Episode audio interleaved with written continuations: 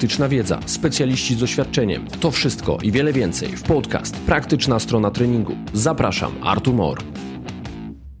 Cześć, witam serdecznie w kolejnym odcinku podcastu Praktyczna strona treningu. Ze mną przed drugim mikrofonem fizjoterapeutka uroginekologiczna, która dzieli swoje życie zawodowe pomiędzy Polskę i Kanadę. Panie i panowie, ze mną Małgorzata, starzec Proserpio. Cześć Małgosiu, hej. Cześć Artur, dziękuję bardzo za zaproszenie. Cieszę się, że tutaj dzisiaj jestem. Małgosiu, jak to jest, że wylądowałaś w Kanadzie? To jest pierwsza rzecz, która mnie ciekawi. W Kanadzie pierwszy raz wylądowałam ponad 4 lata temu, w 2018 roku, jeszcze za czasów moich studiów doktoranckich. I spędzając tutaj wtedy ponad e, półtora miesiąca, udało mi się nawiązać kontakt e, z tutejszymi specjalistami właśnie z zakresu fizjoterapii zaburzeń obszaru miednicy i dna miednicy, mm, zarówno z klinicystami, jak i z naukowcami. I od tego czasu rozpoczęła się moja z nimi współpraca.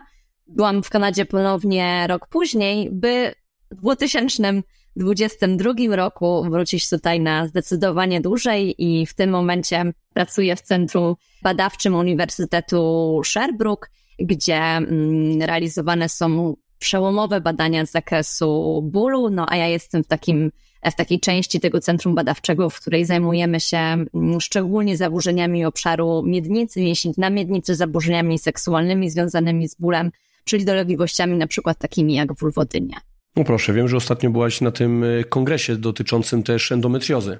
Tak, tak, właśnie zakończył się kolejny Światowy Kongres Endometriozy, który w tym roku odbywał się w Edynburgu w e, Szkocji. Okej, okay. ja natomiast dzisiaj chciałbym Cię pociągnąć za język w innym zupełnie temacie, w e, temacie bólu. Temat bólu na pewno zyskał na popularności ostatnimi laty, zwłaszcza kiedy zmieniła się definicja, czym ten ból jest. Jak, jak ty jakby zaczęłaś się interesować bólem, bo wiele tego, co robisz w mediach społecznościowych właśnie związane jest z popularyzowaniem wiedzy na temat e, tego, czym jest ból i jak fizjoterapeuta może sobie z nim radzić.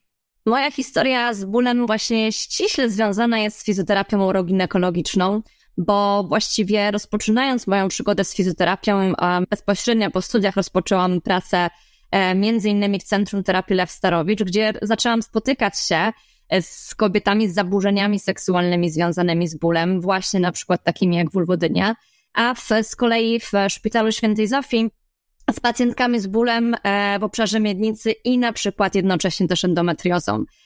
Było mi bardzo trudno pracować, ponieważ będąc po studiach, e, nie miałam odpowiedniej wiedzy z zakresu terapii bólu.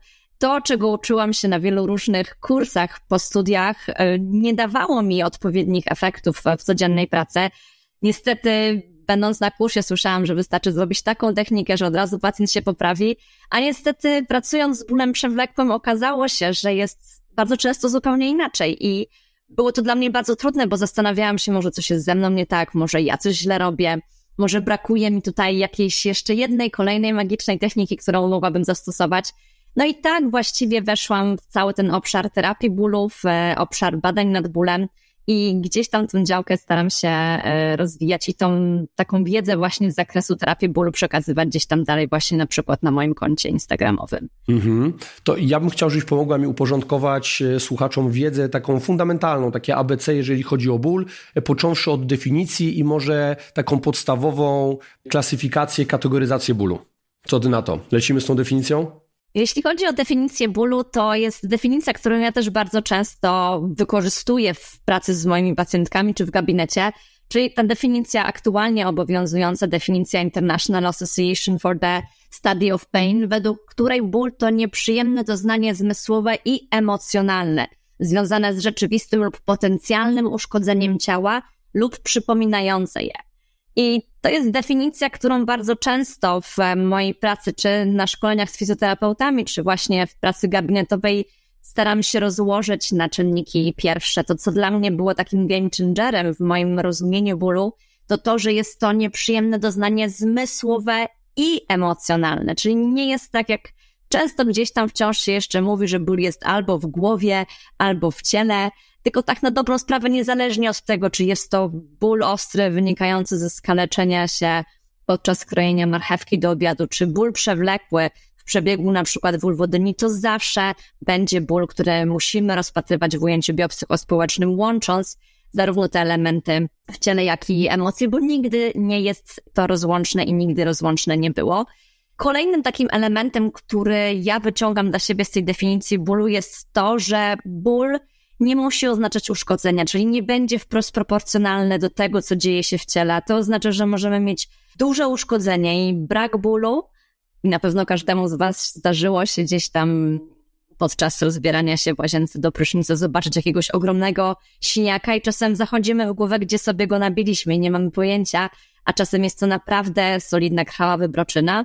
A czasem może być na odwrót. Nie mamy oczywistego uszkodzenia tkanki, ale ból jest. I to nie znaczy, że jest to ból wymyślony, bo zgodnie z definicją taki ból jest jak najbardziej prawdziwy i może wynikać z zupełnie innych mechanizmów. Ja myślę, że nasze w ogóle postrzeganie tego bólu, może postrzeganie bólu, mm, to, to będzie złe zobrazowanie, ale nawet jako specjaliści mamy ten problem, że nasza świadomość płata nam figle i mimo tego, że jesteśmy uczeni i właściwie przyjęliśmy już do wiadomości, że ból niekoniecznie będzie dobrze odzwierciedlał uszkodzenie tkanek, to jesteśmy w stanie przedstawiać konfliktujące ze sobą poglądy, nawet temu samemu pacjentowi. Już spieszę z wyjaśnieniami o co chodzi. Jednego dnia może mu powiedzieć, że faktycznie, panie Kowalski, ból nie jest dobrym wyznacznikiem uszkodzenia tkanek i pójść tą narrację. Drugiego dnia, powiedzmy po porządnej sesji kinezyterapii, po jakimś tam treningu rehabilitacyjnym, kiedy trafia do nas ten pacjent i mówi, kurczę, jestem cały obolały, czyli no, ma taki delay onset muscle soreness, to bez problemu większość fizjoterapeutów powie mu, że bolą go te mięśnie dlatego, że mikrourazy.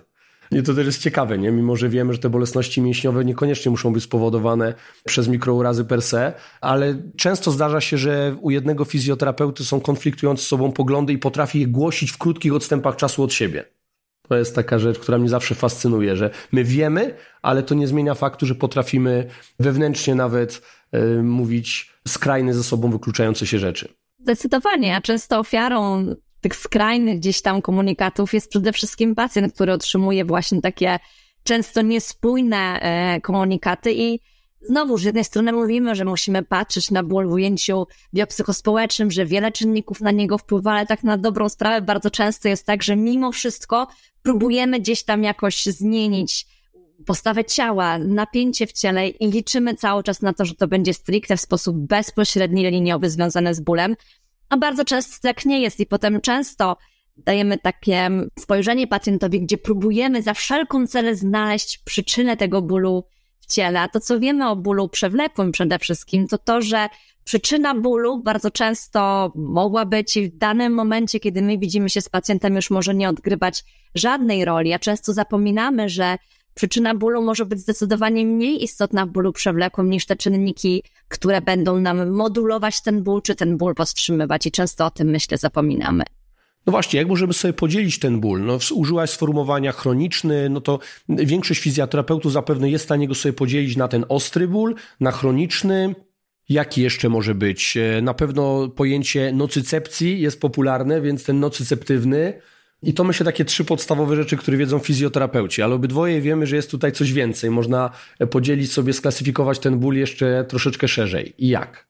To, co dla mnie jest najważniejsze, to przede wszystkim to, co mamy w aktualnej klasyfikacji CD11, już teraz, która w tym momencie, z tego co wiem, jest już tłumaczona na język polski, czyli podział, który tam znajdziemy, to często podział, gdzie mamy ten ból ostry ból przewlekły i w bólu przewlekłym bardzo często, o bólu przewlekłym bardzo często będziemy mówić w sytuacji, według klasyfikacji ICD, kiedy ten ból utrzymuje się powyżej trzech miesięcy. No i oczywiście tutaj wiele dyskusji, na ile te ramy czasowe trzech miesięcy są odpowiednim wyznacznikiem, w zależności od różnych rekomendacji czy różnych podziałów. Tutaj często będziemy widzieć ten czas pomiędzy trzema a sześcioma miesiącami i tak to w tym momencie zostało podzielone. Ale to, co jest ważne też i to, co widzimy w aktualnej klasyfikacji ICD-11, to również to, że sam ból przewlekły został w tym momencie odpowiednio wydzielony w tej klasyfikacji i mamy podział na tak zwane chronic primary pain, chronic secondary pain, czyli tak jakby ból przewlekły pierwotny i ból przewlekły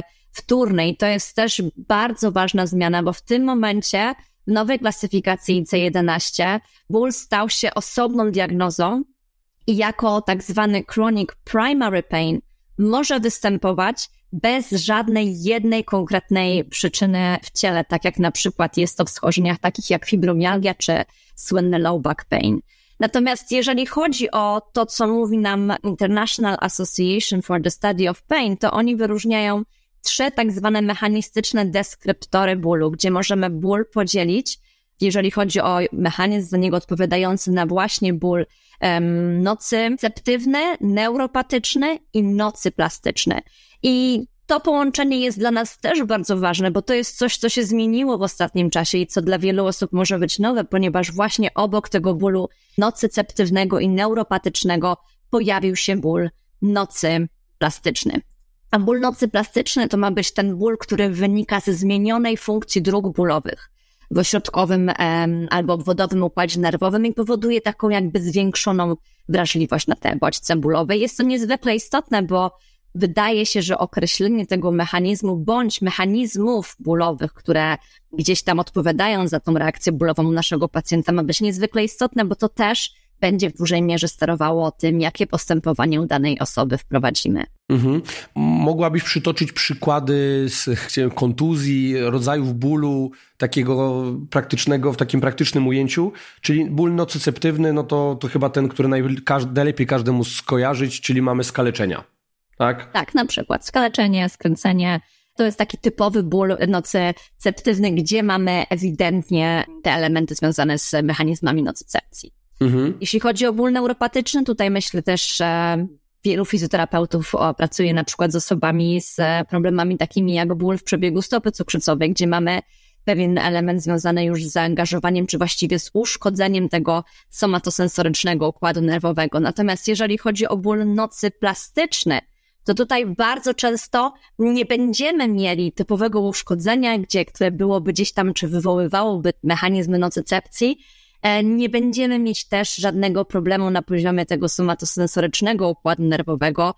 To jest taki rodzaj bólu, który często nieprawidłowo określa się bólem psychosomatycznym, czyli gdzieś tam jakby w głowie. Natomiast musimy pamiętać, że za niego odpowiadają zupełnie inne mechanizmy. Najprawdopodobniej wśród tych mechanizmów tutaj wyróżnia się mechanizm tak zwanej centralnej sensytyzacji, ale prawdopodobnie nie jest to jedyny mechanizm, który za ból nocy plastyczny odpowiada i ten ból nocy plastyczny wydaje się takim rodzajem bólu, który może charakteryzować dolegliwości, na przykład te w przebiegu wulwodyni, czy fibromialgii, czy bólu dolnego odcinka kręgosłupa, czy takich przewlekłych zaburzeń w obszarze stawów skroniowo-żuchwowych. No dobra, to teraz kiedy leczymy ból, a kiedy leczymy mechanizm? Tutaj e, w tym momencie jest wiele, bardzo dużo różnych dyskusji. To, co jest ważne i to, co było też podkreślone mm, na ostatnim kongresie endometriozy w Edynburgu, to to, że ważne jest, aby pamiętać o tym, że u danej osoby mogą występować różne mechanizmy odpowiadające za ten ból, no i w zależności od tego mechanizmu będziemy podejmować troszkę inne formy leczenia. Więc niezwykle istotne jest również dla mnie w momencie, kiedy pracuję e, z pacjentką z przewlekłym bólem w obszarze miednicy, to jest określenie, na ile tutaj mamy do czynienia z mechanizmami bólu o charakterze bólu nocy ceptywnego, na ile są to mechanizmy związane z bólem nocy plastycznym. Być może, i tak też często jest, mamy do czynienia z kilkoma mechanizmami, ale jesteśmy w stanie to poprzez elementy takie jak wywiad, poprzez te elementy, które gdzieś tam pacjent miał wykonane w, w, obszarze swojej wcześniejszej diagnostyki, poprzez nasze badanie fizjoterapeutyczne, jesteśmy w stanie mniej więcej podejrzewać, z jakimi mechanizmami bólowymi mamy do czynienia, bądź możemy mieć do czynienia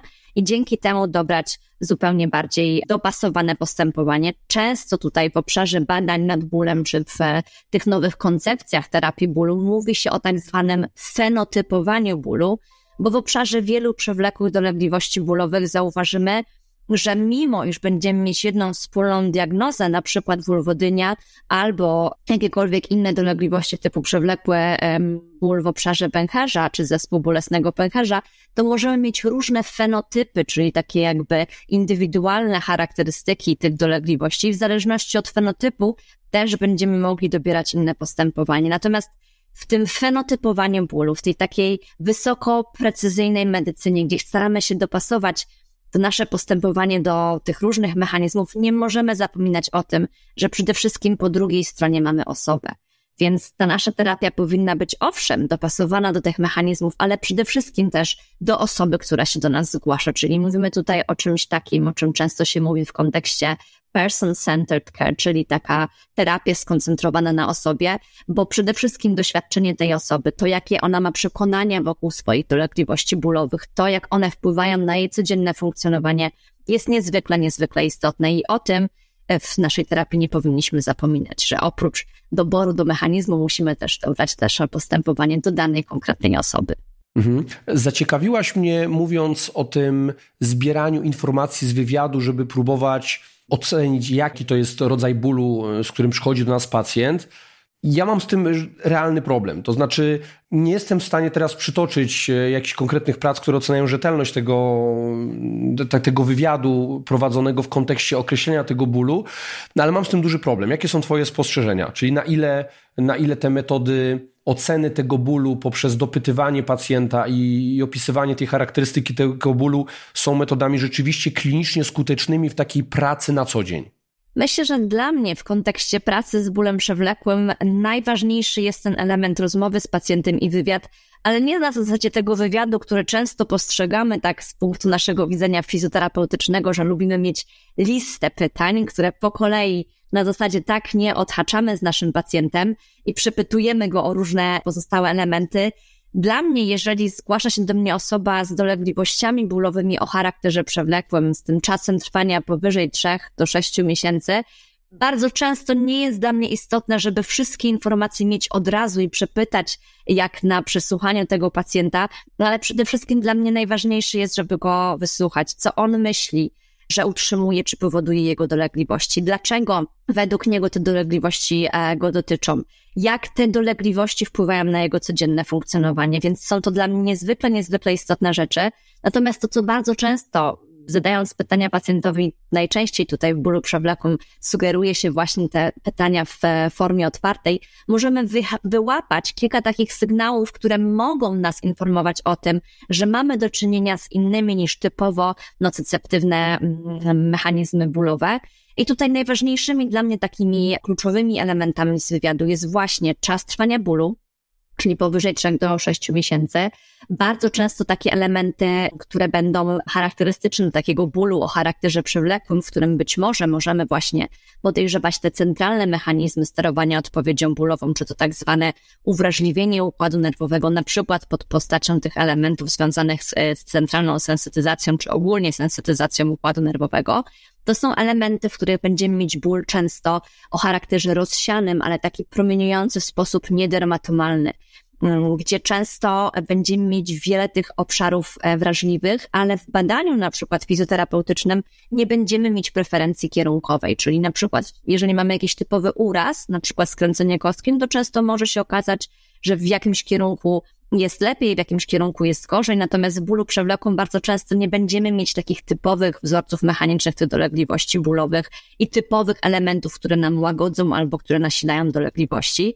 Mm, w tych elementach, które nasilają dolegliwości, często może być wrażliwość nie tylko na elementy związane z większym odczuwaniem bólu, ale też często osoby z bólem przewlekłym mogą zgłaszać nadwrażliwość na różne bodźce, takie typowo smakowe, węchowe, słuchowe, czyli nadwrażliwość na dźwięki, często na przykład na różne zapachy. Bardzo często istotną rolę będą odgrywały czynniki psychospołeczne, czyli wiele, wielu pacjentów z bólem przewlekłym zgłosi, że na przykład stres nasila ich dolegliwości. To jest bardzo ważne dla nas, żeby tutaj pamiętać, że to nie jest tak, że stres powoduje te dolegliwości, albo że ból powoduje depresję, bo musimy pamiętać, tak jak ty też mówiłaś w swoim ostatnim podcaście, że jest to element, który może być czynnikiem związanym z tymi dolegliwościami, ale nie zawsze wiemy, co było pierwsze jajko czy kura, no i musimy też pamiętać, że mogą być to elementy, które będą nam oddziaływać czy modulować te dolegliwości, ale nie będzie tutaj żadnej relacji o charakterze kauzacji. Kolejny taki element to bardzo często u tych osób z bólem przewlekłym, gdzie mamy Możemy tutaj podejrzewać te centralne mechanizmy sterowania odpowiedzią bólową. Będziemy obserwować elementy związane z zaburzeniami snu. I niekoniecznie będzie to tak, że pacjent nie może zasnąć, ale ja często dopytuję, jak się budzisz, to jak się czujesz? Czy czujesz się wypoczęta, odświeżona, pełna energii, czy raczej jesteś taka totalnie zmięta, musisz się rano totalnie mieć chwilę, żeby się rozruszać? Więc to są takie kolejne sygnały czy elementy, które mogą nam świadczyć o tych elementach związanych z odczuwaniem bólu przewlekłego, w którym już będziemy chcieli podejrzewać być może te inne mechanizmy związane z bólem. To, co też teraz podkreśla się bardzo w tych nowych wytycznych, jeżeli chodzi o terapię takiego przewlekłego bólu mięśniowo-szkieletowego, to właśnie ocena tych elementów związanych z czynnikami typowo psychospołecznymi, takimi jak poczucie własnej skuteczności, poziom katastrofizacji, elementy właśnie takiej przesiewowej oceny lęku, stresu czy depresji, nie po to, żebyśmy my jako fizjoterapeuci tylko i wyłącznie sami próbowali z tymi elementami działać, ale żeby mniej więcej fenotypować te dolegliwości u naszego pacjenta, ale też wiedzieć, kiedy powinniśmy tutaj zasięgnąć wsparcia też jakichś innych specjalistów. Ja mam jeszcze takie spostrzeżenie, Małgosiu. Mianowicie w Polsce mamy już fajną inicjatywę, która się pojawia, czyli coraz bardziej powszechne są miejsca, w których z tym bólem możemy sobie skutecznie radzić, czyli poradnie leczenia bólu. Natomiast mam wrażenie, że nazbyt często one są e, leczone tak jak e, choroby psychiczne. No jakie jest Twoje zdanie na ten temat? To jest coś, co właśnie było takim, myślę, punktem zapalnym do tego, żeby zrewidować trochę klasyfikację IC1 i 11 jak również e, myślę też tym elementem, który stał za tą nową klasyfikacją bólu zaproponowaną przez International Association for the Study of Pain, bo bardzo często kończyło się to tak, że nie mogąc znaleźć jednej konkretnej przyczyny w ciele, mówiło się temu pacjentowi, że ten ból jest w głowie, że jest to ból psychiczny, psychosomatyczny, psychogenne, wymyślone i leczyło się to tylko i wyłącznie jakby to było w głowie, nie patrząc na to, że może za to odpowiadać nieco inny mechanizm bólowy. I to jest ogromny problem, ponieważ w tym momencie, zgodnie z aktualną wiedzą, możemy już jasno określić, że to nie jest tak, że jest to tylko i wyłącznie element związany z naszą głową czy z naszym myśleniem, tylko odpowiadają za to konkretne mechanizmy, które już teraz coraz lepiej dzięki coraz co nowszym badaniom naukowym jesteśmy w stanie poznać. I to, czego mi brakuje tutaj, jeżeli chodzi o taką nowoczesną terapię bólu, szczególnie jeżeli myślimy sobie tutaj o, o Polsce, to wciąż brakuje takiego bardziej interdyscyplinarnego podejścia, czyli bardzo często jest tak, że fizjoterapeuci, mając takiego pacjenta, na którym pracują, robią różne techniki i to nie wystarcza, odsyłają go na przykład do właśnie psychiatry, czy do anestezjologa leczącego ból, czy do psychologa i mówią mu, że ja tu już nic więcej nie mogę zrobić. Natomiast to, o czym musimy pamiętać, że taki pacjent wymaga jak najbardziej w dalszym ciągu fizjoterapii, tylko takiej, która nie będzie nacelowana na jakieś bardzo takie, bym powiedziała, mm, mechaniczne metody, czy bardzo lokalne, tylko która weźmie pod uwagę te mechanizmy oddziałujące na całego człowieka, na, na, na, na te centralne mechanizmy sterowania odpowiedzią bólową i nieco szerzej popatrzy również na ten element związany z rehabilitacją tego bólu. Mhm. Ja myślę, że tutaj jest moment, w którym można przytoczyć, że w fizjoterapii jest coś takiego jak fizykoterapia i pewne składowe fizykoterapii mogą być skutecznymi, dobrymi praktykami, które można zalecić pacjentowi, a które mogą być bardzo przydatne w modulacji tego bólu, w odczuwaniu tego bólu, w radzeniu sobie z tym bólem. To mogą być naprawdę fajne strategie, które pozwalają, ażeby pacjent wykorzystywał je na własną rękę, samodzielnie, w sposób bezpieczny i efektywny. No, swojego czasu, właściwie swojego czasu, nie tak całkiem dawno, czyli myślę z 4-5 lat temu w Polsce bardzo mocno spopularyzowało się morsowanie które okazuje się może być naprawdę ciekawym rozwiązaniem dla radzenia sobie z różnymi formami bólu, czy tego ostrego, czy tego chronicznego, o różnym pochodzeniu. Jeżeli mówimy o takich niskich temperaturach, no to, to nie sposób powiedzieć poza morsowaniem o krokomorach, czy to będą w formie cryosaun, czy będą te krokomory pełne, a my jako Polacy mamy z tym dużo doświadczenia, bo pierwsze krokomory w skali świata dobrze przebadane były właśnie tworzone przez Polaków i możemy poszczycić się naprawdę fajnymi badaniami na ten temat w klinikach reumatologicznych we Wrocławiu. Także warto się też tematem na pewno zainteresować. Po dziś dzień w takich dowodach anegdotycznych e, słyszy się o różnego rodzaju spektakularnych uzdrowieniach po ekspozycji na zimno. Czyli ktoś był w jakimś bólu chronicznym, zaczął morsować i nagle te dolegliwości przeszły. Więc coś w tych czynnikach fizykalnych z jakichś powodów może naprawdę być. I czasami nie leżałoby tego deprecjonować i wrócić czasami do tej fizykoterapii, do tych prostych czynników, takich jak ciepło, zimno i spróbować coś zgrabnego zaordynować, przygotować dla pacjenta. Tak, bardzo ważna jest przede wszystkim, myślę, retoryka, którą będziemy wprowadzać wokół tego typu interwencji, czyli na zasadzie, że nie robimy tego po to właśnie, żeby coś naprawić uszkodzonego e, w ciele, bo prawdopodobnie nic tam uszkodzonego nie jest, ale żeby właśnie wprowadzić taką pewną modulację tych objawów, głównie po to, żeby pozwolić tej osobie na większe zaangażowanie w codzienne aktywności i u wielu osób będzie to forma takiego postępowania fizjoterapeutycznego, tak zwanego multimodalnego, gdzie bardzo często nie będziemy wykorzystywać jednej techniki, jednej strategii, tylko będziemy włączać różne elementy, określając na ile mamy w, u danej osoby, mamy tych takich, bym powiedziała tutaj, um, driverów bólu typowo lokalnych, czyli na przykład jakieś takie problemy o charakterze, nie wiem, wzmożonego napięcia mięśniowego, a na ile chcemy oddziaływać bardziej o charakterze globalnym, wprowadzając na przykład jakiś taki globalny ruch, uruchamiając całe ciało, na przykład poprzez dobranie odpowiedniego treningu, albo e, wprowadzeniem takich ćwiczeń, które będą działały nam nie tylko na jedno określone miejsce, do które boli, ale na przykład na całe ciało, typu ćwiczenia o charakterze treningu autogennego, jakieś elementy jogi, tai chi, chi gong, czyli te wszystkie elementy, które nie będą nacelowane na to jedno bolesne miejsce, na przykład dajmy na to ten obszar miednicy, tylko gdzieś tam będą skoncentrowane na całym ciele. Tworząc wokół tego właśnie odpowiednią retorykę, że to nie robimy tego po to, żeby to naprawić, żeby tam naprawić coś, co jest być może uszkodzone, tylko po to, aby wprowadzić takie mm, działanie, które będzie miało na celu wyciszenie całego układu nerwowego i całego systemu.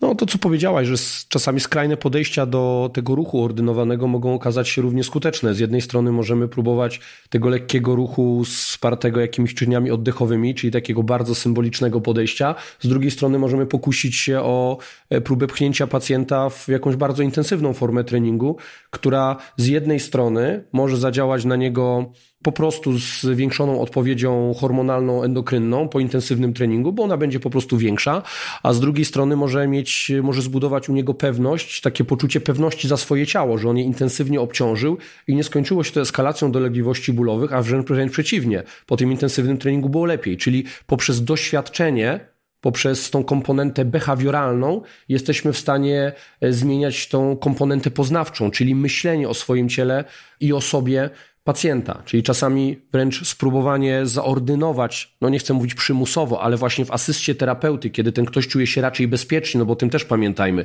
My jesteśmy o takimi powiernikami, osobami wysokiego zaufania, czyli jeżeli ktoś do nas trafia i mu e, zaordynujemy coś, co w jego głowie nawet potencjalnie byłoby niebezpieczne, czyli jest pacjent z bólem, który w jego odczuciu pochodzi stricte z aparatu ruchu, z jakichś okolic albo z większej, z większej puli tych okolic, i bałby się sam obciążyć ten aparat ruchu, a w naszym towarzystwie czuje się bezpieczniej, że to jednak raczej mu się nic nie stanie i należałoby to też wtedy wykorzystać. Także też się tego nie bać. Tak, i to są takie koncepcje, które teraz podkreśla się w bólu, czyli to takie nauczanie poprzez doświadczenie, w którym my nie siadamy i nie robimy wykładu pacjentowi, tylko właśnie poprzez różne doświadczenia czuciowe, ruchowe próbujemy pokazać mu, że mimo tego, że boli, to wciąż może czuć się bezpiecznie, to, co bardzo często teraz się adaptuje, jeżeli chodzi o różne strategie terapii bólu przewlekłego, to są adaptacje różnych form e, terapii poznawczo-behawioralnych na obszar fizjoterapii. I taką adaptacją jest na przykład tak zwany graded exposure, czyli tak zwana stopniowana ekspozycja, gdzie na przykład u pacjenta z bólem w obszarze miednicy czy w dolnego odcinka kręgosłupa próbujemy stopniowo przywracać coraz to większy zakres aktywności, taki sposób, by nie dać mu zbyt dużego bodźca od razu na początku, bo na przykład może to gdzieś tam wiązać się z jakimś flare-upem bólowym, czyli takim okresowym na nasileniem dolegliwości bólowych, ale też, żeby go nie pozostawiać cały czas w takiej strefie komfortu, która bardzo często z czasem coraz to bardziej się zmniejsza, jeżeli chodzi o ból przewlekły. I to, co dla mnie było takim dużym właśnie game changerem, to nauka tych elementów czy tych obszarów, jeżeli chodzi o adaptację tych technik na obszar fizjoterapii i takich zasad progresji aktywności i to, jak często wykorzystujemy to w terapii uroginekologicznej, na przykład u osób z zaburzeniami seksualnymi związanymi z bólem, to są na przykład stopniowane e, dilatory, które mogą tutaj nam oddziaływać na to stopniowe zmniejszenie lęku czy bólu w tamtym obszarze, ale to też może być stopniowanie danego ruchu, na przykład u pacjenta z bólem w obszarze dolnego odcinka kręgosłupa, gdzie stopniowo wprowadzając te aktywności, wyznaczając pewną granicę, na przykład, że nie będziemy przekraczać dolegliwości, dajmy na to więcej niż o dwie jednostki bólu w skali WAS, pozwalamy mu poczuć się bezpiecznie, dajemy mu narzędzie do tego, żeby miał pewną niezależność i przede wszystkim, żeby też czuł się bezpiecznie z bólem, bo to nie zawsze jest tak, że w bólu przewlekłym, jeżeli nas boli, to nie możemy podjąć aktywności.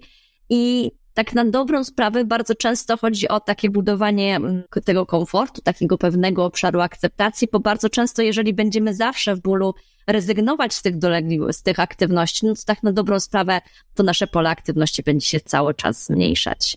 Tak jest. Powiedzieliśmy sobie o różnych formach ruchu, powiedziałaś o graded exposure w kontekście takiej terapii behawioralno-kognitywnej z wykorzystaniem ruchu, powiedzieliśmy sobie o fizykoterapii, ale no nad tym wszystkim jest coś, o czym cały czas mówimy i też należało pamiętać, że jest to edukacja, po prostu edukacja. Jakby edukacja poprzez budowanie właściwych przekonań na temat y, bólu. My wszyscy raczej przez kontekst środowiskowy mamy stworzone ramy poznawcze, które kojarzą ból z czymś, co jest no, próbuję to określić jednym słowem, destrukcyjne, zawsze złe, prowadzące tylko do czegoś naprawdę złego. Trudno mi to nawet jednoznacznie określić, ale na pewno te złe skojarzenia z bólem są powszechne, bo taką mamy ramę poznawczą. I odkręcenie tego, pokazanie tego, tego wielowątkowości w kontekście bólu jest tym, co odczarowuje postrzeganie bólu. Ten ból może towarzyszyć komuś do końca życia, ale jego e, świadomość związana z tym pojęciem no sprawia, że jego tolerancja na życie z bólem jest większa.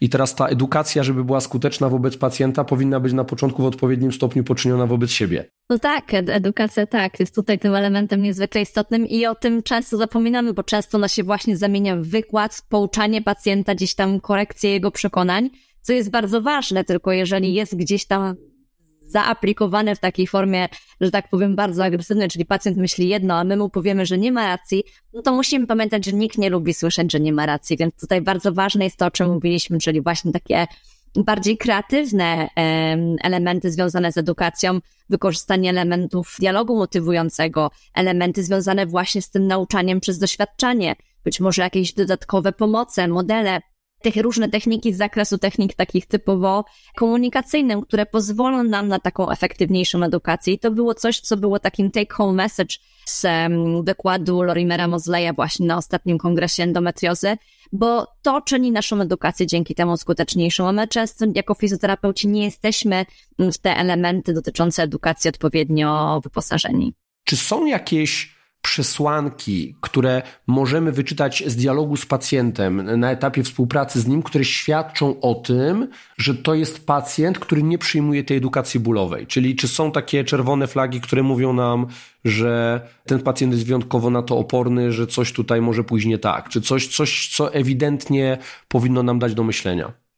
Myślę, że dla mnie tutaj takim najważniejszym elementem jest to, co ja też często wykorzystuję w swojej pracy z pacjentkami, to często proszę je, y, żeby powiedziała mi, jakby opisała to, o czym żeśmy mówiły, albo o czym rozmawiałyśmy, albo to, nad czym pracujemy, na przykład swojej bliskiej osobie, jakby swojej przyjaciółce czy partnerowi wytłumaczyła to, co się dzieje i co się dzieje z, z jej ciałem, za co odpowiadają tej dolegliwości, czy co za nimi stoi. I często mm, właśnie zadanie tego typu pytań otwartych, powiedz mi, jak rozumiesz swój ból, jest takim dla mnie elementem, który pozwala mi zobaczyć, na ile ta moja edukacja jest e, skuteczna. Czyli po prostu sprawdzam to rozumienie pacjenta nie na zasadzie przepytywania, tylko na zasadzie po prostu takiej rozmowy. Powiedz mi, jak rozumiesz te swoje dolegliwości. Kolejny element, który też jest dla mnie ważny, no to tutaj bardzo często jak pracujemy, czy to wprowadzając jakąś aktywność właśnie w formie tej stopniowanej ekspozycji, no to też często rozmawiamy o tym, jak ta dana osoba reaguje na te odczuwalne dolegliwości bólowe. I jeżeli wciąż zadaje pytanie, a może tam coś jest, a może to jest jakiś problem, którego nikt jeszcze po prostu nie znalazł, może znowu powinnam wykonać kolejne badanie rentgena, rezonansu i tak dalej, no to wtedy też bardzo często wiemy, że ta edukacja mogła jeszcze nie ułożyć się odpowiednio. No i dla mnie to też było taką bardzo trudną rzeczą, którą musiałam zaakceptować, chcąc pracować z osobami z bólem przewlekłym i się nie wypalić przede wszystkim, to to, że nie zawsze u każdego jesteśmy w stanie te przekonania zmienić, bo czasem będziemy pokazywać tej osobie tę całą edukację, wszystko to, co wiemy, ale czasem może być tak, że to po prostu nie będzie ta wiedza odpowiednia gdzieś tam siadać. No i pytanie, czy my za wszelką cenę zawsze musimy tego pacjenta naprostować w tych jego przekonaniach, czy może jesteśmy w stanie jakoś tutaj inaczej podziałać ta, w taki sposób, żeby też tutaj nie wpłynąć negatywnie na tą naszą e, relację terapeutyczną i przede wszystkim pamiętając o tym, że ekspertem od tego bólu i najwięcej o tym bólu wie przede wszystkim ta druga osoba. I to jej przede wszystkim w tym temacie powinniśmy słuchać. To, co powiedziałaś, nie chciałem ci wchodzić w słowo, ale to, co powiedziałaś o zapytaniu pacjenta, co on zrozumiał z tego, albo jak on odczuwa ten swój ból, jak on widzi ten ból, czyli takie zbieranie feedbacku z tej edukacji, to jest też strategia, którą swojego czasu To już było dawno, bardzo temu. Mój serdeczny kolega Jakub Liberski stosował wobec pacjentów, kiedy starał się ich poedukować, z czym związana jest ich dolegliwość e, ta ortopedyczna, no bo Jakub Liberski jest lekarzem, ortopedą, traumatologiem. No i edukował ich na tym spotkaniu, tłumaczył, co z tym mogą zrobić i potem mówił takie sprawdzam, ale to sprawdzam było powiedziane właśnie tak, jak ty to zrobiłaś. Czyli co pan, pani powiedziałaby swojej rodzinie po powrocie do domu, co ja tutaj powiedziałem.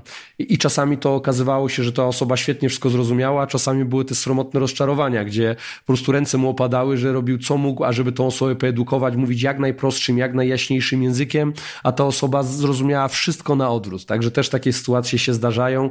E, I to chyba jest nieuniknione i to, to nawet nie jest kwestia tego, nie zawsze, nie zawsze jest to kwestia edukatora, czasami jest to po prostu kwestia możliwości przetworzenia tych informacji przez tego pacjenta. To, co też powiedziałaś odnośnie tego, że ta wiedza musi się ułożyć. No, to jest jak z różnymi dolegliwościami. One mają swój naturalny przebieg tych dolegliwości. Czasami czas jest tym lekiem. My jesteśmy tym towarzyszem w tej drodze, żeby było lepiej, ale to czas musi zrobić też swoje. To świetnie widać, kiedy będziemy analizowali sobie skuteczność różnych form psychoterapii gdzie okazuje się, że ta specyfika interwencji, bez względu jaka ta interwencja by nie była, ona tam odgrywa znacznie mniejszą rolę niż się wydaje, bo w zależności od różnych prac będzie ta komponenta będzie sięgała 10-20%.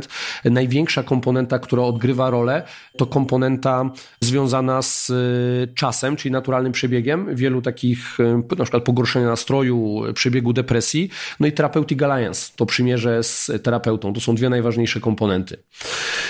Małgorzato, w czasie naszej rozmowy padło wiele pojęć, które no, potencjalnie mogły dla wielu fizjoterapeutów być nieznane albo mogą uważać, że mają jakieś luki wiedzy na ten temat.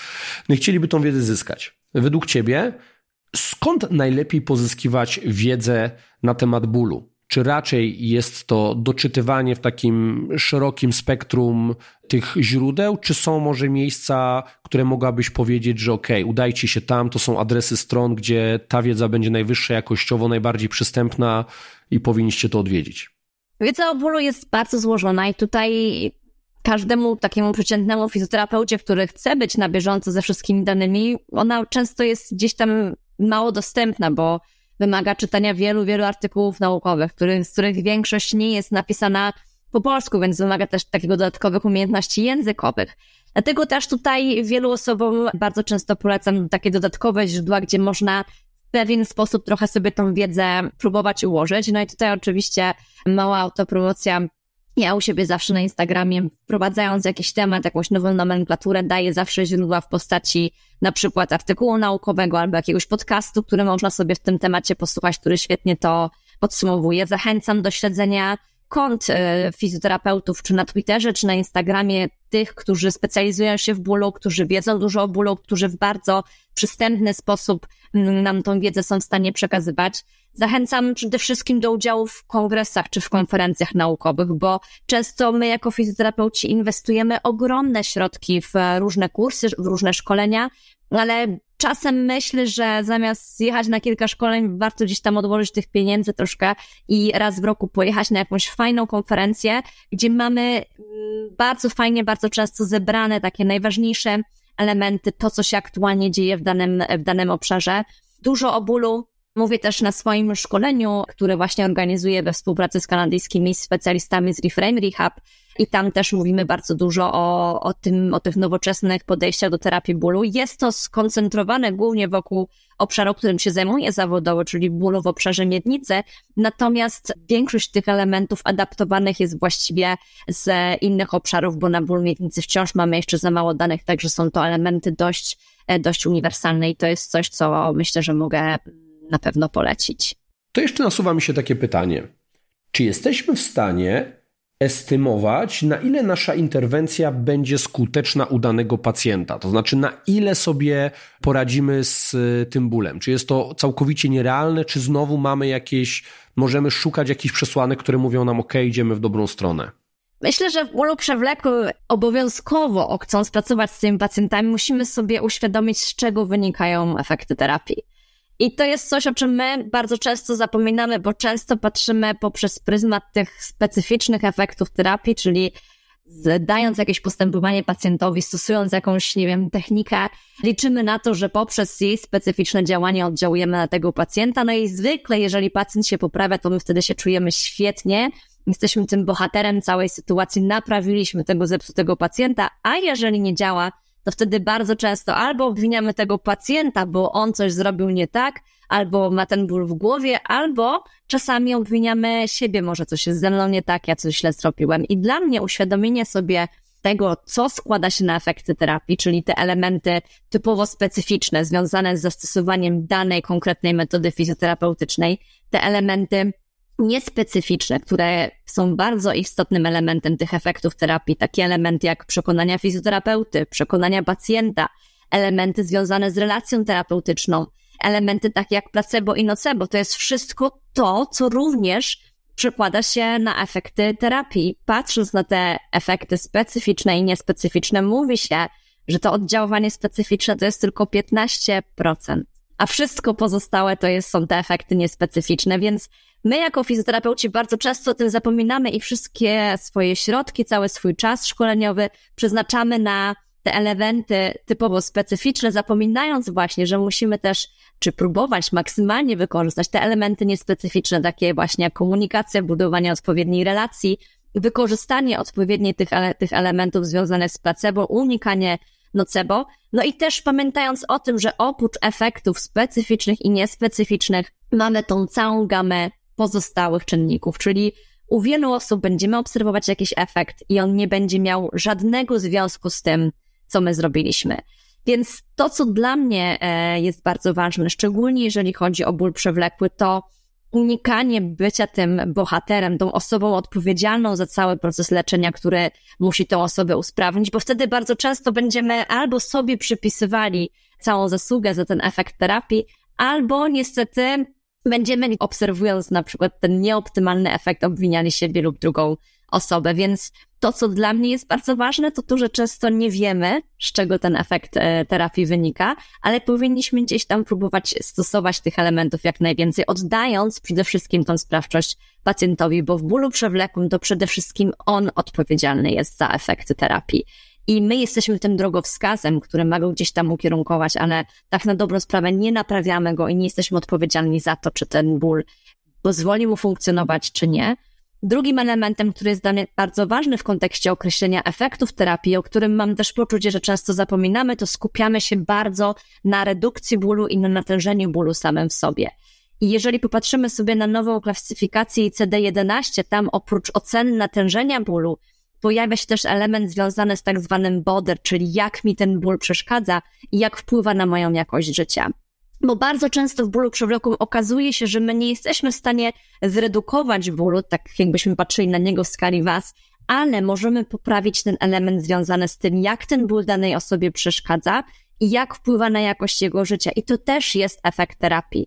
To jest szczególnie istotne dlatego, że często będziemy mieć osoby, które będą mieć bardzo duży ból, ale ten ból nie będzie im przeszkadzał, a czasem może to być bardzo niewielkie natężenie bólu, które będzie miało ogromne konsekwencje dla tej samej osoby, więc musimy pamiętać, żeby szeroko oceniać efektywność naszej terapii, nie skupiać się tylko i wyłącznie na tym, czy boli, czy nie boli, czy udało nam się zredukować ten ból na przykład w skali was. Wiesz, ja nawet teraz mam taką myśl, że w pewnym kontekście Albo inaczej. Coś, co często robimy, no robimy, powinniśmy wręcz robić, jest jakaś forma jako terapeuci monitorowania tego bólu, czyli czy pacjentowi się poprawia. No jednym z komponentów, komponent tego, że ma mu być lepiej jest zmniejszenie dolegliwości bólowych.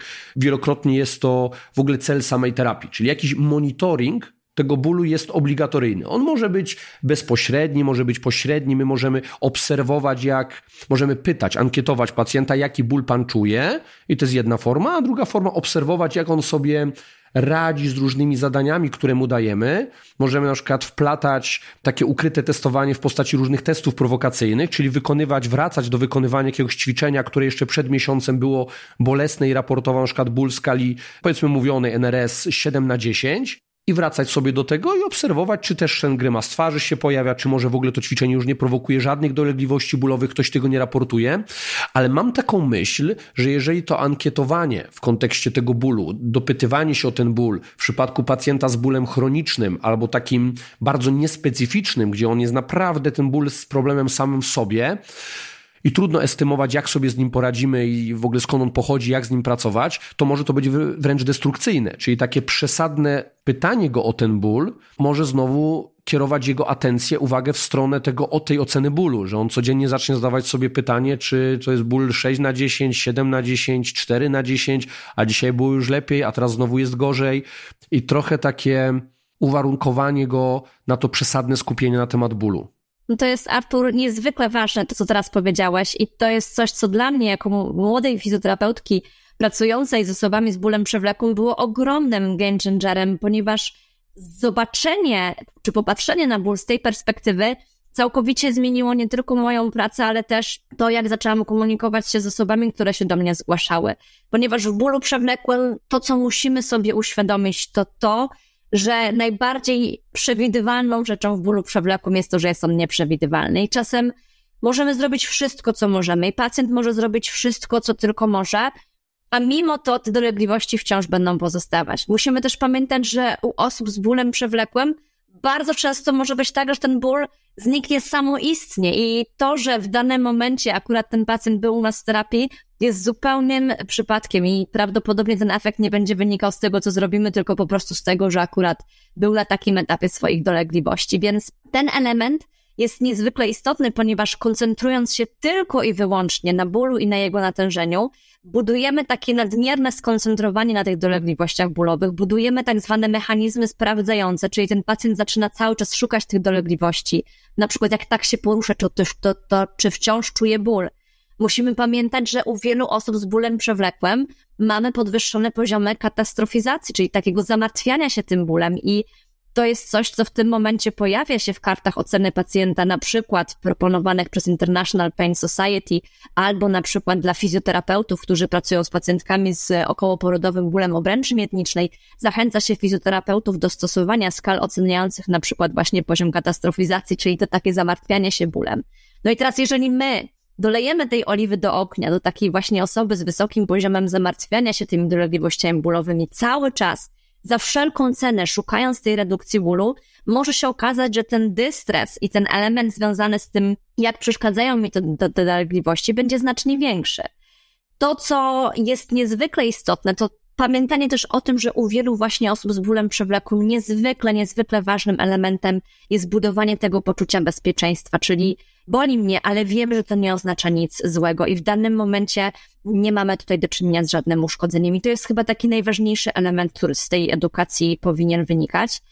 I często skupienie się na tych innych elementach, nie tylko właśnie na natężeniu bólu w naszej fizjoterapii, w naszej komunikacji z pacjentem, w naszej ocenie efektów może być niezwykle istotne. I tutaj pamiętam jedną z pacjentek z dolegliwościami o charakterze ból wodynni, która powiedziała na pewnym etapie terapii, że jej ból co prawda się nie zmienił, ale to, jak ona do niego podchodzi, jak go interpretuje, znacznie się zmieniło.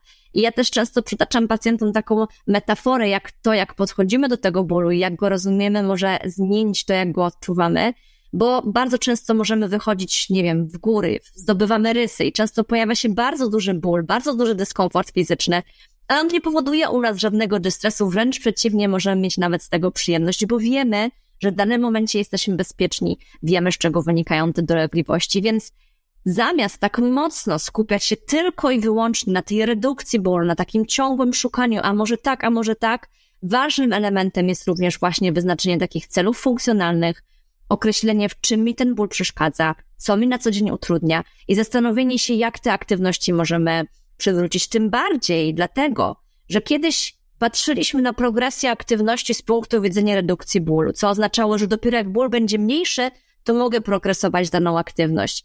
I to było bardzo często na przykład właśnie w fizjoterapii uroginekologicznej, kiedy mieliśmy pacjentki z zaburzeniami seksualnymi związanymi z bólem i dopiero wtedy, kiedy na pewnym etapie terapii nie było bólu, tej pacjentce pozwalano łaskawie podjąć aktywność seksualną. Natomiast w tym momencie okazuje się, że bardzo często dużo lepszym efektem będzie przywrócenie tej ważnej dla tej danej konkretnej osoby aktywności, bo dopiero przywrócenie tej aktywności może wtórnie redukować ból. Dokładnie tak. Odnosząc się bardziej do mojej e, specjalizacji, czyli takiej fizjoterapii ortopedycznej e, i pracy z osobami, które więcej mają tego bólu ze strony aparatu ruchu, takiego bardziej zdefiniowanego, to na pewno jakakolwiek forma aktywności fizycznej, a z mojej perspektywy najlepiej jakaś forma, którą możemy nazwać treningiem siły mięśniowej, będzie naprawdę skutecznym narzędziem, które zmniejsza strach, przed ruchem, zmienia oczekiwania, a tym samym wpływa na odczuwanie bólu. I dla mnie to jest jakby kluczowe. Dodatkowo trening siły mięśniowej, który będzie w pewien sposób bardzo dobrze doprecyzowany, określony, bo my jesteśmy w stanie go bardzo dobrze opisać, czyli wykonuje cztery serie po 10 powtórzeń z danym ciężarem, w danym tempie. Jeżeli komuś pokażemy, że na kolejnej sesji terapeutycznej, na treningu rehabilitacyjnym wykonuje już to zadanie z większym ciężarem albo z większą ilością powtórzeń na danym ciężarze, to my pchamy jego psychikę w stronę tego bezpieczeństwa, sprawczości, w stronę tej rehabilitacji, która kończy się sukcesem, że on może więcej, że jego funkcja pozwala mu na więcej. No i zmieniamy jego ramę poznawczą, także ja zachęcam do tego, ażeby w terapii bólu wykorzystywać różne formy ruchu, bo one z wielu powodów będą wzmacniały tego pacjenta nie tylko fizycznie, ale również psychiczne, no i będą to, o czym, będą tym, o czym powiedziałaś już wielokrotnie, będą świetnym narzędziem, ażeby pokazywać ten graded exposure, żeby dokładnie w wartościach liczbowych pokazać, że te obciążenia, które fundujemy, ta sprawczość, te możliwości aparatu ruchu wzrastają i mierzymy to w sposób obiektywny. Nikt nie musi nam wierzyć, bo on będzie dokładnie widział, z jakimi ciężarami chociażby on pracuje.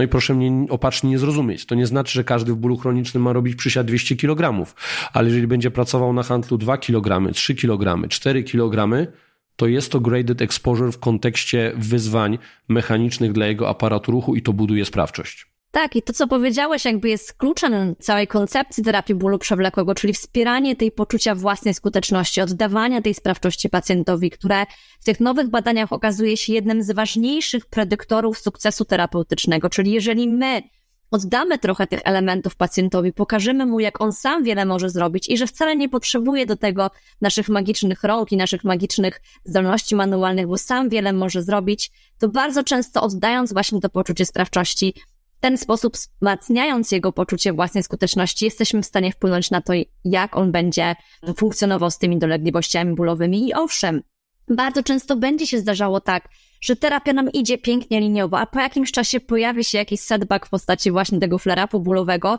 i to też jest normalne i na to też musimy przygotować naszych pacjentów, bo to nie oznacza, że oni idą do tyłu, że coś się pogorszyło, że coś źle zrobili albo że my coś źle zrobiliśmy, tylko jest to zupełnie przewidywalny element w terapii bólu przewlekłego, więc dając im też narzędzie do radzenia sobie z tymi dolegliwościami w momencie, kiedy one się nasilają, do tego, żeby oni sami byli w stanie gdzieś tam mieć narzędzie do tego, żeby decydować, danego dnia zrobię więcej, tego dnia zrobię trochę mniej, bo się gorzej czuję.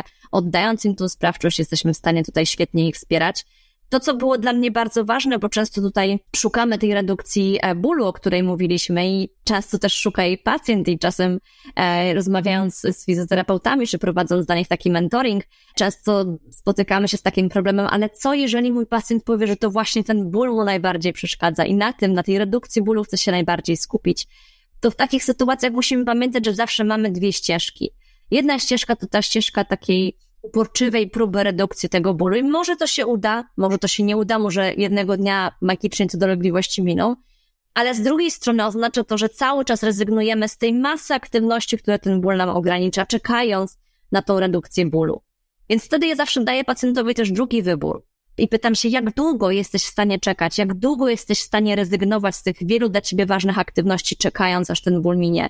Bo może w danym momencie ważniejsze jest dla ciebie, żeby podjąć te aktywności, na przykład bawić się z twoimi wnukami, rozpocząć jakieś aktywności ze znajomymi, podjąć jakieś aktywności, które w tym momencie nie są możliwe. I to jest też bardzo ważne, żeby zrozumieć, że nie zawsze potrzebujemy tej redukcji bólu do tego, żeby czuć się dobrze. Jeszcze chciałbym, żeby pojawił się jakiś taki fragment z jak najbardziej praktycznym wydźwiękiem i pozwól, że Małgorzato odczytam Ci w pewien sposób, obnaży się z tym, jaką edukację bólową prowadzę swoim pacjentom i przeczytam fragment. Fragment z jednego z maili, które wysyłam do pacjentów po takich naszych pierwszych spotkaniach, które mają być takimi mailami podsumowującymi. To są wręcz takie standardowe formułki, które chcę, żeby pacjenci zawsze mieli gdzieś tam blisko siebie. Pierwsza rzecz, której no nie jestem w stanie e, jakby wypowiedzieć słowami, no bo jest to rycina, która pokazuje, że radzenie sobie z bólem w przypadku tej interwencji, którą podejmiemy, nie będzie wyglądało jak linia schodząca w dół, linia prosta, tylko będzie raczej takim poszarpanym wykresem, w którym mogą pojawić się okresy tych flare-upów, czyli tego zaostrzenia. Czyli to jest takie obrazowe podkreślenie tego, o czym już wielokrotnie mu powiedziałaś w tej rozmowie. Kolejna rzecz, kolejne zdanie, które tam jest, to już jest w formie pisanej. Rehabilitacja w świecie rzeczywistym nie przebiega liniowo. Mogą pojawić się okresy, gdzie subiektywnie będzie trochę gorzej. Idziemy dalej. Jak ten ktoś ma zarządzać bólem? No, w przypadku akurat była kontuzja mięśniowo-ścięgnista, która na to nam pozwalała, pisze w następujący sposób.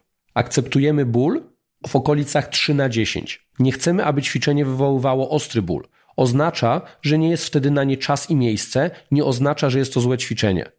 Jeżeli zestaw ćwiczeń bądź ćwiczenie sprowokuje intensyfikację bólu na drugi dzień, proszę nie martwić się, a jedynie zmniejszyć objętość treningu o około 1 trzecią i ponownie zacząć powoli budować tolerancję.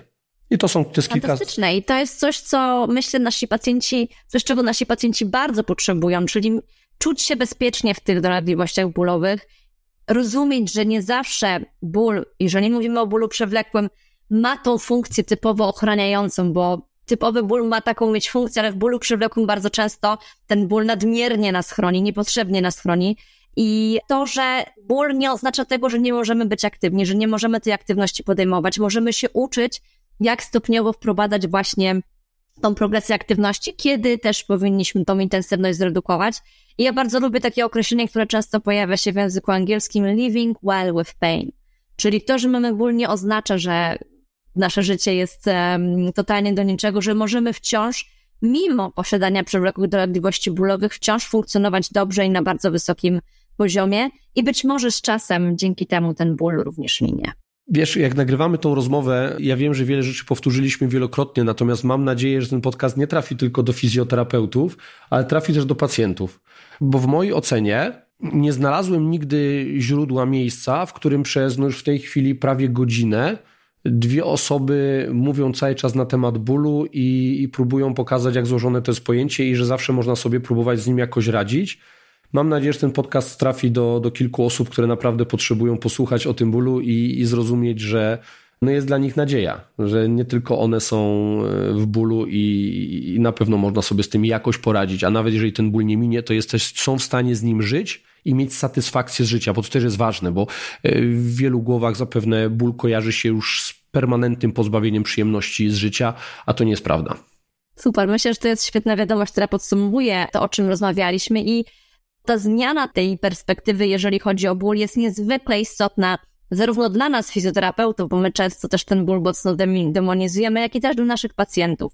Chodzi tutaj o to, żeby oczywiście nie lekceważyć tych dolegliwości bólowych, ale walidować te odczucia, bo one są niezwykle ważne, niezwykle istotne i jak najbardziej prawdziwe, ale następnie, by mieć tą sprawczość i móc zadecydować, kiedy ten ból może przyjąć kontrolę nad tym, co się ze mną dzieje, a kiedy tą kontrolę mogę mieć ja. Małgorzato, dziękuję Ci za tą e, godzinę pełną informacji.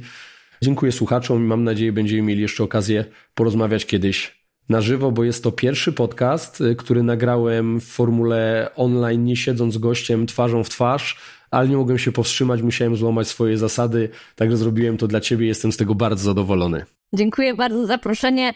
Czułam się, jakbyśmy siedzieli razem w jednym, e, w jednym pokoju, także naprawdę świetna rozmowa, świetnie mi się z Tobą rozmawiało nam trochę takie poczucie, że się utwierdzamy w tych naszych confirmation bias, zupełnie podobnie myślimy, ale, tak. ale, zawsze, e, ale zawsze jest to dla mnie wartościowe. Tak, trochę faktycznie myślimy w podobny sposób i może, mo, mogą słuchacze mieć wrażenie, że sobie wtórujemy, ale to jest nieuniknione. Czasami ludzie po prostu myślą podobnie i też mogą ze sobą rozmawiać. Dziękuję. Trzymaj się Małgorzato. Cześć, hej. Super, pięknie dziękuję za spotkanie. Odsłuchałeś odcinek podcastu Praktyczna strona treningu. Jestem właściwie pewien, że zainteresuje Cię mój drugi podcast o nazwie Praktyczna strona dietetyki.